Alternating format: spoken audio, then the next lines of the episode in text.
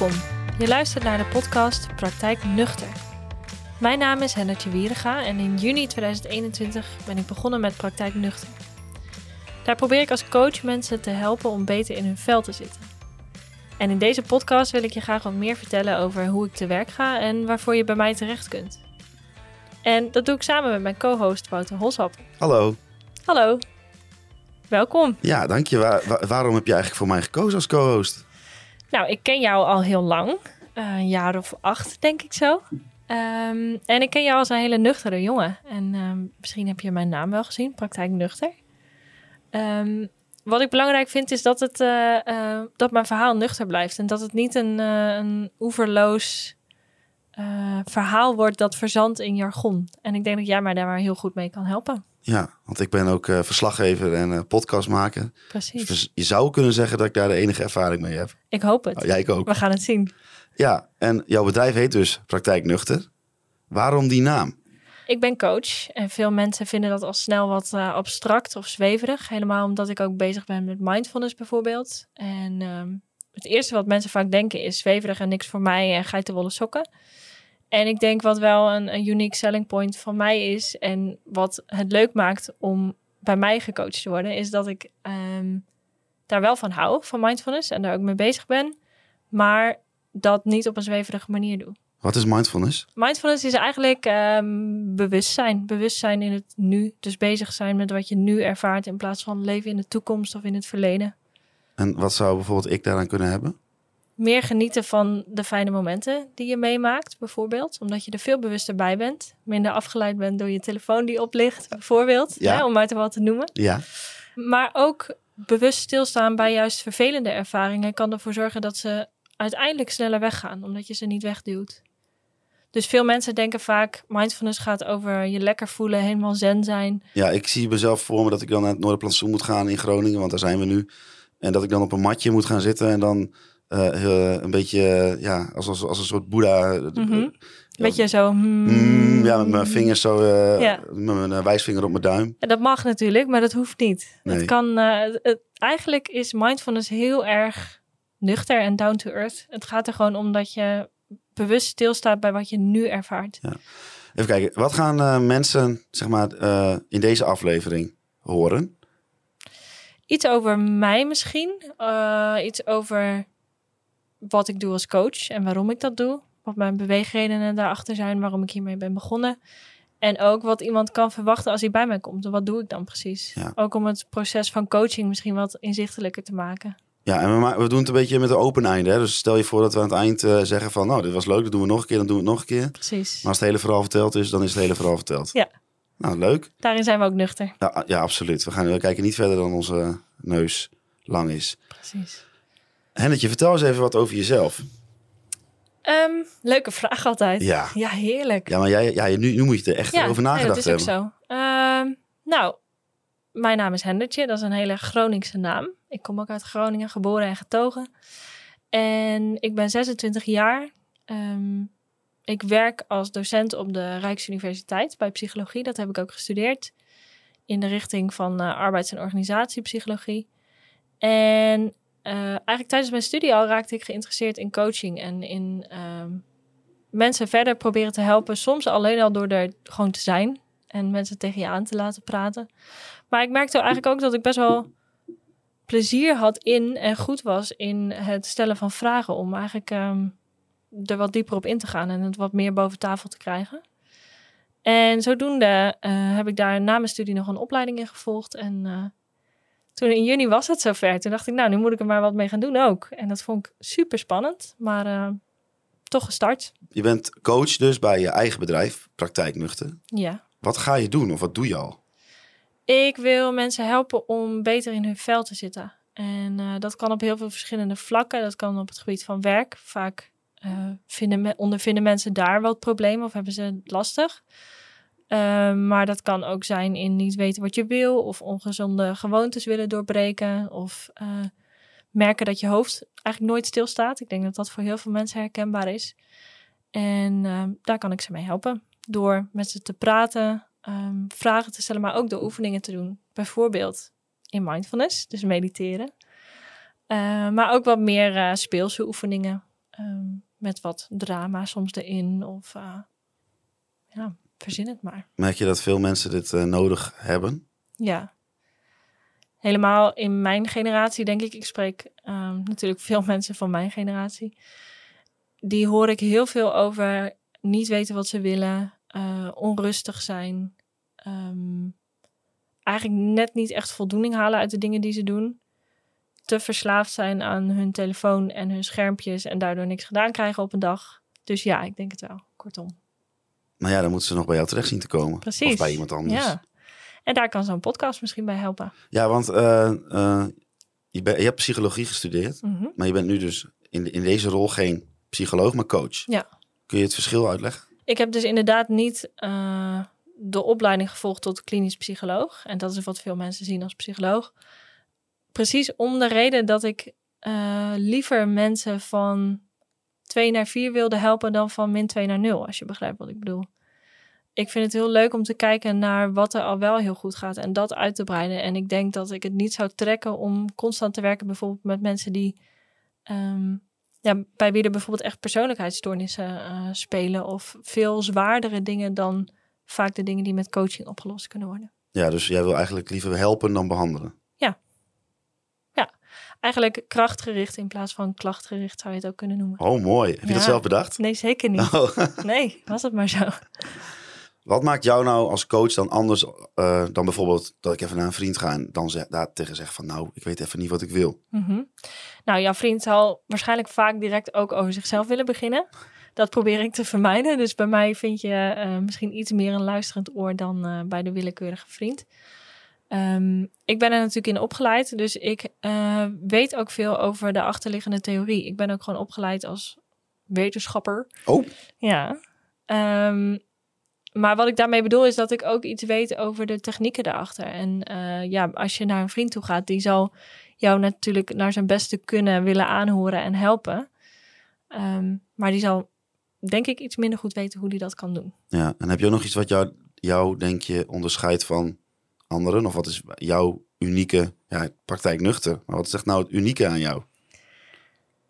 Ik denk wat uniek is aan mij, is dat ik zowel heel zacht kan zijn, dus heel erg kan luisteren en, en meevoelen en empathisch ben, maar dat ik ook heel direct ben. En dat ik je dus ook lik op stuk kan geven en kan zeggen waar het op staat. En dat dat heel prettig is in coaching. Uh, hoe, wat voor methodes gebruik jij? Verschillende. Noem er eens een. Um, Oké. Okay. nou, bijvoorbeeld ACT, ACT, spel je dat. Um, en dat staat eigenlijk voor Acceptance and Commitment Therapy.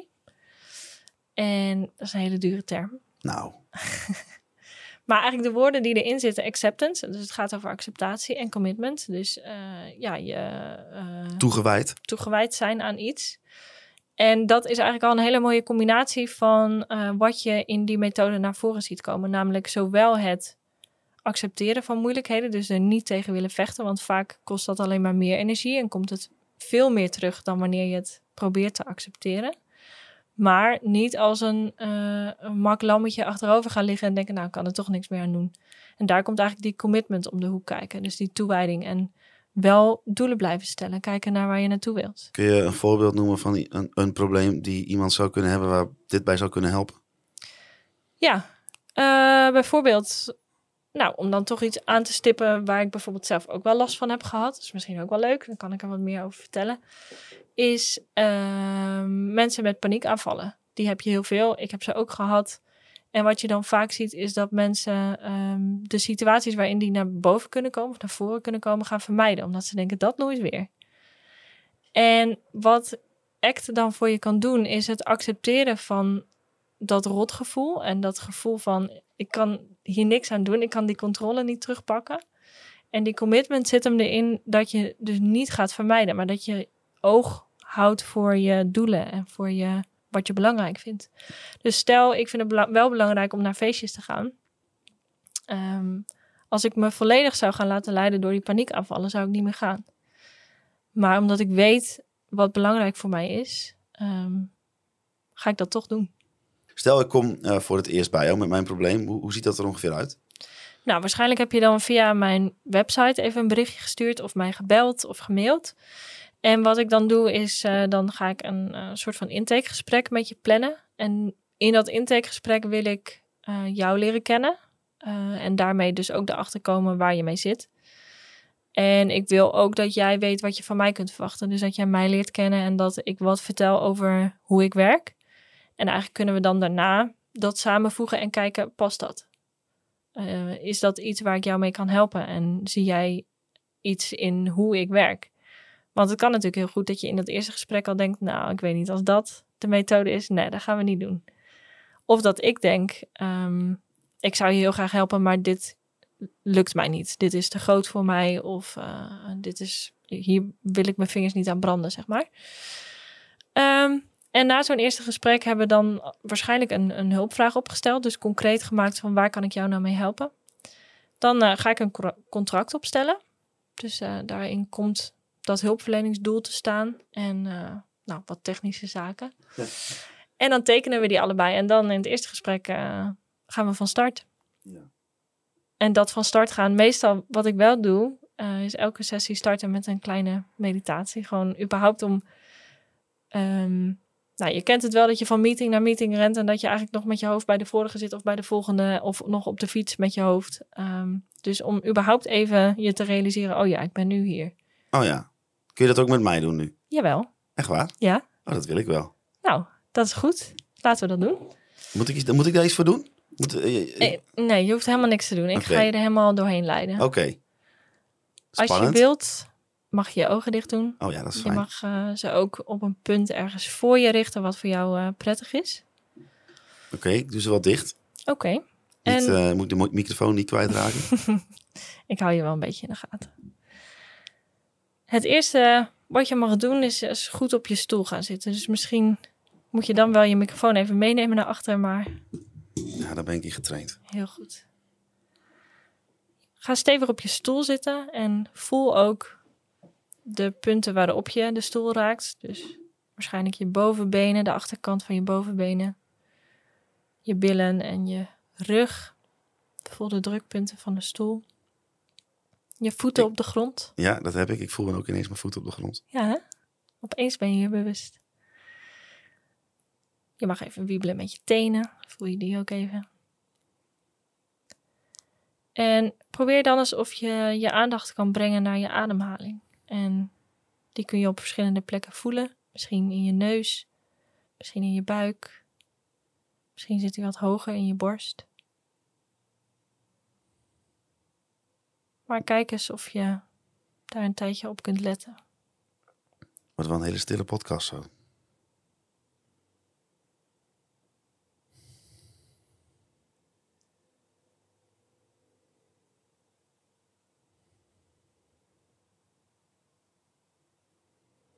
En het is niet zo erg als je afdwaalt of als je gedachten eventjes met iets anders bezig gaan dan met je ademhaling. Als je dat opmerkt, wees dan niet boos op jezelf of streng voor jezelf, maar breng gewoon je focus weer terug naar de ademhaling.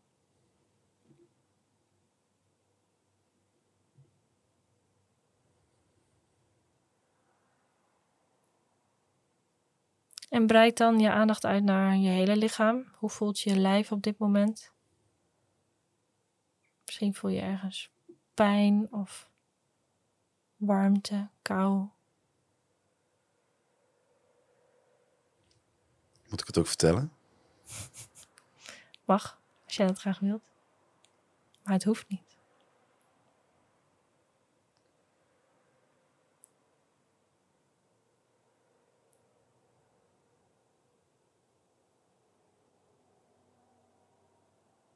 En als je daar een tijdje je aandacht bij hebt gehouden, mag je met je aandacht even naar je gedachten toe gaan. Dus kijken wat er allemaal in je hoofd gebeurt op dit moment.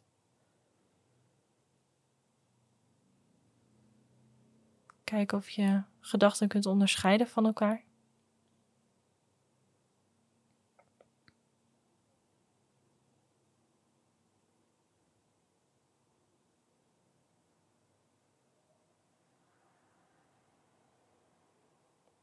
En kijk of je er niet in kunt blijven hangen. Dus merk ze op en laat ze weer gaan. Merk ze op en laat ze weer gaan. Ja, wat ik daarmee bedoel is. ehm, het kan zijn dat je nu een gedachte opmerkt en je er helemaal in mee laat gaan. Dus dat het volledig leidt tot een hele gedachtegang die pas over vijf minuten eindigt. En wat ik wil dat je probeert is of je kunt denken: hé, hey, ik dacht daaraan. Oké. En dat was het.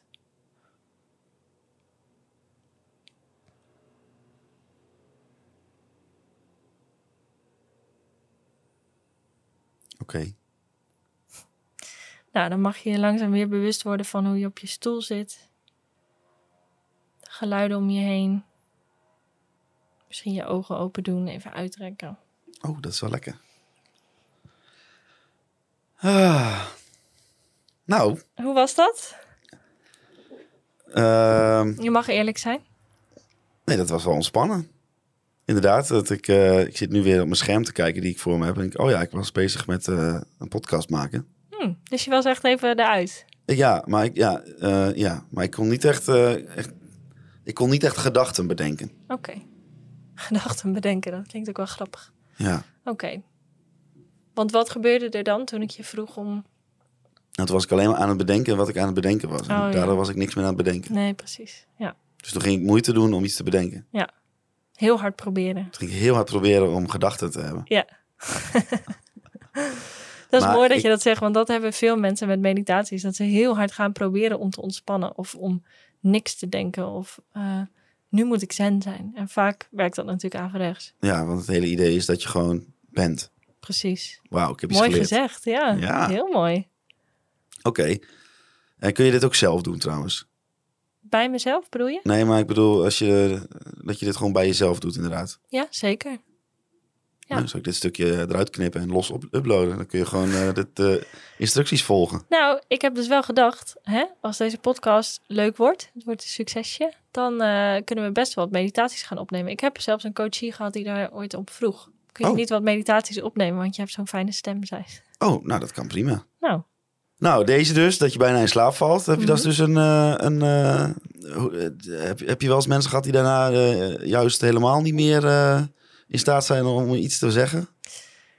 nee, niet zozeer. Maar je hebt inderdaad wel hele lange meditaties. Ik heb ooit mijn vriend een keertje door een meditatie van drie kwartier geleid. En die zei daarna wel, nou, je mocht af en toe wel iets meer intonatie gebruiken, want ik viel bijna in slaap. Oh, Dus ja, het kan. dan heb je dus, eh, dan ben je dus in, eh, bijvoorbeeld een afspraak begonnen hiermee. Of is Mhm. dit gewoon eh, een uur lang eh, dat je dit gaat doen?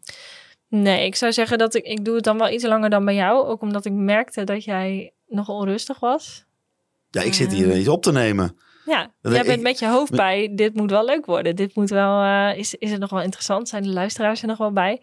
Ja, Ik zit even wat gedachten voor jou in te vullen. Nou, maar ja. waarschijnlijk ging dat door je hoofd, hè? deels, ja. Ehm Ik help jou en eh, dan zit ik hier... eh, eh, zit ik hier tijdens die- potverdorie. Tijdens die stiltes dacht ik van, bij een podcast is het nooit stil. Er wordt altijd gepraat bij een podcast. Ja, tenzij het een meditatie is. Ja.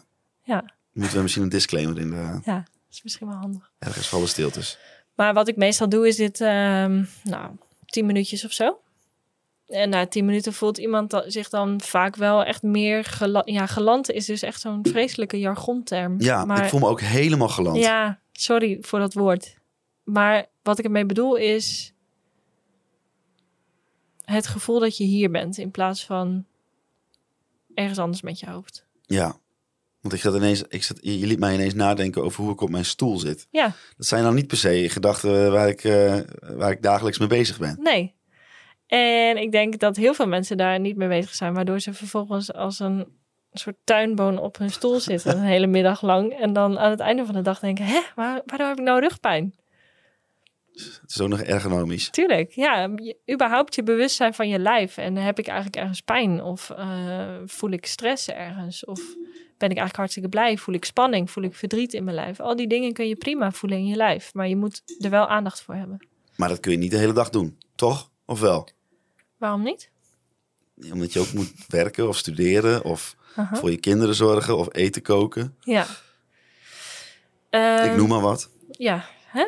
Ehm, nee, nou, dat vind ik wel een leuke vraag. Ehm, ik denk wel dat je ook je dagelijkse bezigheden wel heel bewust kunt uitvoeren. Een van de eerste dingen die je leert, bijvoorbeeld bij een mindfulness training, is ga eens een hele dagelijkse handeling heel bewust uitvoeren, zoals je tanden poetsen of je afdrogen na het douchen. En als je dat eenmaal een week lang moet doen, dan pas realiseer je hoe vaak je tegelijkertijd op je mobiel zit. Of denkt aan, oh shit, ik moet nog brood halen. Of ehm, nou, wat dan ook maar. Maar je bent er bijna nooit bij met je hoofd. Nee. Nee, sterker nog, ik, ik bouw het gewoon in op vaste momenten, op vaste manieren, zodat ik er niet over na hoef te denken. Ja. En waarom je dat dus wel zou moeten of kunnen doen, is om bewuster te leven. En bewuster leven helpt je dus om Maar ook, uiteindelijk je beter te voelen. maar dat is ook heel erg jargon, toch? Bewust leven. Iedereen zegt altijd, ja, je moet bewust leven. Maar weet ik niet. is bewust dan geen jargon meer? Vind ik niet zo. Ik vind dat wel een algemeen geaccepteerd woord. Maar nou, we kunnen het nog wel, nog wel nuchterder maken. Ja, dit is jouw werk. Ja. Nou, wat ik bedoel met bewust leven is met je aandacht erbij zijn, met je kopie erbij. Maakt dat het al minder eh, jargon? Eh, ja. Even kijken hoor, met mijn aandacht erbij zijn. Ik zit nu met, ja, met, ja, maar dat moet dus, dan nu zit ik weer, ga ik meteen weer terug naar de tanden poetsen. Waarom moet ik dan bewust erbij zijn, met, met mijn kopje erbij zijn als ik aan het tandenpoetsen ben? Omdat dat je traint om dat over het algemeen meer te doen. Dus het gaat helemaal niet om de tanden poetsen. Maar het gaat erom dat je klein begint. En uiteindelijk jezelf dus traint in ehm, met je kopie erbij zijn. En met je kopie erbij zijn helpt je om ehm, meer te leven uiteindelijk zoals jij dat wilt. Omdat je het ook eerder door hebt wanneer, je, wanneer het niet goed gaat. Wanneer je je niet goed voelt. En je geniet veel meer van de momenten die al heel fijn zijn. Is dat belangrijk om te herkennen wanneer het misschien niet goed gaat? Dat denk ik wel. Ik denk dat heel veel mensen veel te lang doorgaan, bijvoorbeeld met een baan die niet bij ze past, een huwelijk dat niet goed gaat. Eh, verzin het maar. Die verhalen die vliegen je toch om de oren van Of- mensen die, Mensen die verkeerd tanden poetsen. bijvoorbeeld, heel tragisch is dat. ja, ik denk dat het belangrijk is om inderdaad je leven te leven met je kopie erbij. Waarom is dat dan zo moeilijk? Want ik, ik eh, of, nou ja, misschien dat het ook niet helemaal waar is, maar 200 jaar geleden waren er niet zoveel mensen die coach waren en een mindfulness gingen doen. Nee, 200 jaar geleden waren er ook minder afleidingen. Minder telefoons, minder werkdruk, minder gehaastheid, denk ik over het algemeen. En ik denk dat die gehaastheid ervoor zorgt dat je constant eigenlijk in de toekomst aan het leven bent. En daar word je uiteindelijk ongelukkig van. Je had het net over technieken en dat je daar een eh, opleiding voor hebt gedaan. Eh, wat voor technieken zijn dat dan? Nou, eh, ik had het net over ACT. ehm, en een van de technieken die je daarin leert heet diffusie. En dat is een hele moeilijke term. Klinkt wel heel cool. Ja, het is ook heel cool. Het houdt eigenlijk in dat je ehm, probeert om niet meer. Eigenlijk wat ik net tegen jou zei. Probeer je niet mee te laten slepen in een soort gedachtenstroom. Maar probeer ze ehm, te kunnen zien als een gedachte. Dus ze te kunnen isoleren eigenlijk. En diffusie betekent eigenlijk dat je niet meer één bent met je gedachten. Dus wat veel mensen hebben is. Als ze voor de spiegel staan bijvoorbeeld, denken ze: ik ben lelijk. Als je volledig fuseert met die gedachte, dan denk je die gedachte is waar. Ik denk dit, dus dat moet wel waar zijn. Ik ben inderdaad lelijk. En wat diffusie voor je doet, is... ehm, ja, eigenlijk zou je mij nu op beeld moeten kunnen zien, want ik probeer het uit te beelden. Maar is eigenlijk eh, uitzoomen. En kunnen zien, ik denk nu dat ik dik ben. En nu wordt het een heel technisch verhaal. Maar alleen dat, dat zinnetje wat ik ervoor zet, ik denk nu dat kan al een soort afstand creëren, waardoor je niet meer per se al je gedachten voor waar aanneemt en serieus neemt. Is dat te volgen als ik dat zo zeg? Ja, dus je gaat als het ware eh, boven jezelf hangen en je kijkt naar jezelf en je, de- je zegt, nee, ik denk dat, nee, dit, dit klopt niet. Jawel. Ja? Ja? Ja, je kwam een heel eind. Ja, het komt er inderdaad op neer. Dat je kunt zelfs bijvoorbeeld één, één trucje wat je daarvoor kunt inzetten, is je verstand een naam geven. Oh, Dus bijvoorbeeld je innerlijke criticus. Iedereen heeft een innerlijke criticus. Iemand die de hele dag tegen je loopt te zeggen: Dit heb je niet goed gedaan. Eh Jemig, wat zie je er lelijk uit. Waarom zei je dat nou in die meeting? Nou, ga zo maar door. Iemand die de hele tijd kritiek op je loopt ja, te die, heb ik, leveren. die heb ik ook wel eens. Ja, hè? Heb jij die zelf ook? Ja, zeker. Iedereen. Heb je hem ook een naam gegeven? Ja. Oh, oh. wat dan? Die van mij heet Streefteef Eva. Oh, Ja, hij heeft een hele lange naam. Waarom Eva? Weet ik niet, dat allitereerde mooi. Een soort van... Het is niet dat er een bepaalde Eva in je leven was waar je echt een bloedhekel aan had. Nee, st- Streefteef Eva. Ja, dat was... Is wel een hele mooie naam. Ja, voor, toch? Voor, ja. Ja. Maar goed, je verstand dus een naam geven. En elke keer dat die innerlijke criticus weer oppopt, dat je zegt, ah, daar heb je streeft even Eva weer.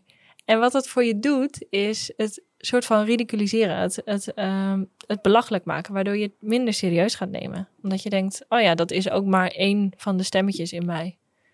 En dat ben ik niet per se. Ik hoef dat niet serieus te nemen. Ik kan me voorstellen dat mensen dit horen en denken, ja, dit klinkt meer als een gespleten persoonlijkheid dan als jezelf helpen. Ja, maar uiteindelijk heb je toch ook heel veel verschillende stemmetjes in jezelf. Eentje die dus de hele tijd je loopt af te zeiken. Uiteindelijk heb je vaak denk ik ook wel eentje die soort van jezelf ophemelt. Wat heb ik dat goed gedaan? Of um, eigenlijk ben ik beter dan de rest. Of... Hebben we die ook een naam gegeven? Nee. Oh, nou dan wordt misschien nog een keer tijd. Ja, dat is misschien een leuk projectje. En uh, een stemmetje dat eigenlijk heel lief is voor jezelf. En dat zegt, uh, misschien moet je even rustig aandoen. Of uh, nu heb je wel een stukje chocola verdiend. Nou, ga zo maar door. Uiteindelijk heb je toch heel veel... Ja, ja, ik weet niet, herken je dat? Dat je die allemaal wel in je hebt? Nou, diegene dat ik moet eten, die heb ik zeker in me, ja. nee, maar ik ken zeker inderdaad dat je... dat gevoel dat je bijvoorbeeld in een gesprek met iemand iets hebt gezegd... en dan bijvoorbeeld voor het werk of zo... En dat je, dat je gewoon dat gevoel zo'n gevoel, zo, alsof je zo'n ingehouden gevoel, zo alsof je adem, dat je adem heel hoog zit. Dat je dan denkt, oh nee, wat heb ik nou weer gezegd? Ah. Ja. ja. Ja, en daar kun je dus helemaal in mee laten voeren. En dan heb je volgens een rotdag. Ja, want ik ben dan verslaggever en podcastmaker.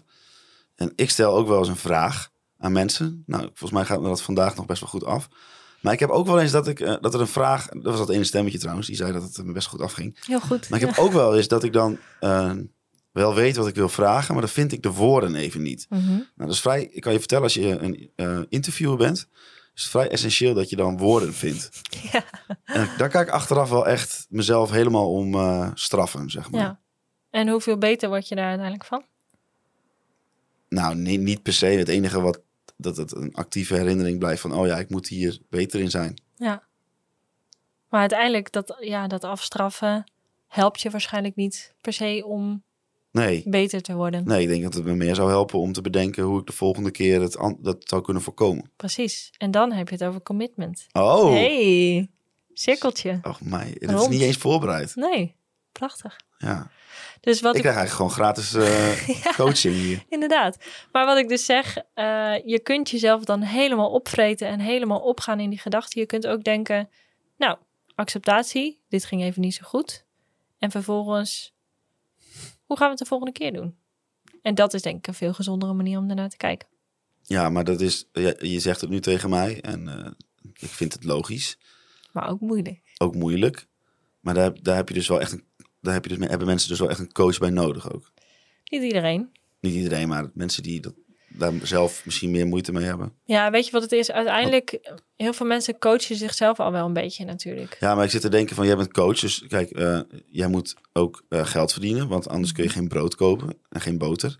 En dan kun je geen broodrammetjes smeren. Broodrammetjes. Een broodrammetje. Mm -hmm. Dus um, als het allemaal zo, het is allemaal niet, het lijkt me allemaal niet zo simpel, want als jij hier nu alle trucs weggeeft, waarom zouden mensen dan nog langskomen? nou, um, dezelfde reden waarom een psycholoog soms ook in therapie moet. Je kunt het niet allemaal zelf. En uiteindelijk heb je soms gewoon iemand nodig die jou een spiegel voorhoudt. En dat is denk ik wat een coach doet. Dit was de eerste aflevering van de podcast Praktijk Nuchter. Ben je nou benieuwd geworden en wil je meer weten? Kijk dan eens op www.praktijknuchter.nl. En jij, Wouter, ben je al overtuigd om een coach te nemen? Ja, misschien wel, maar niet jij, want dat vind ik een beetje gek als vrienden. Heel goed. Bedankt voor het luisteren en wie weet tot de volgende keer.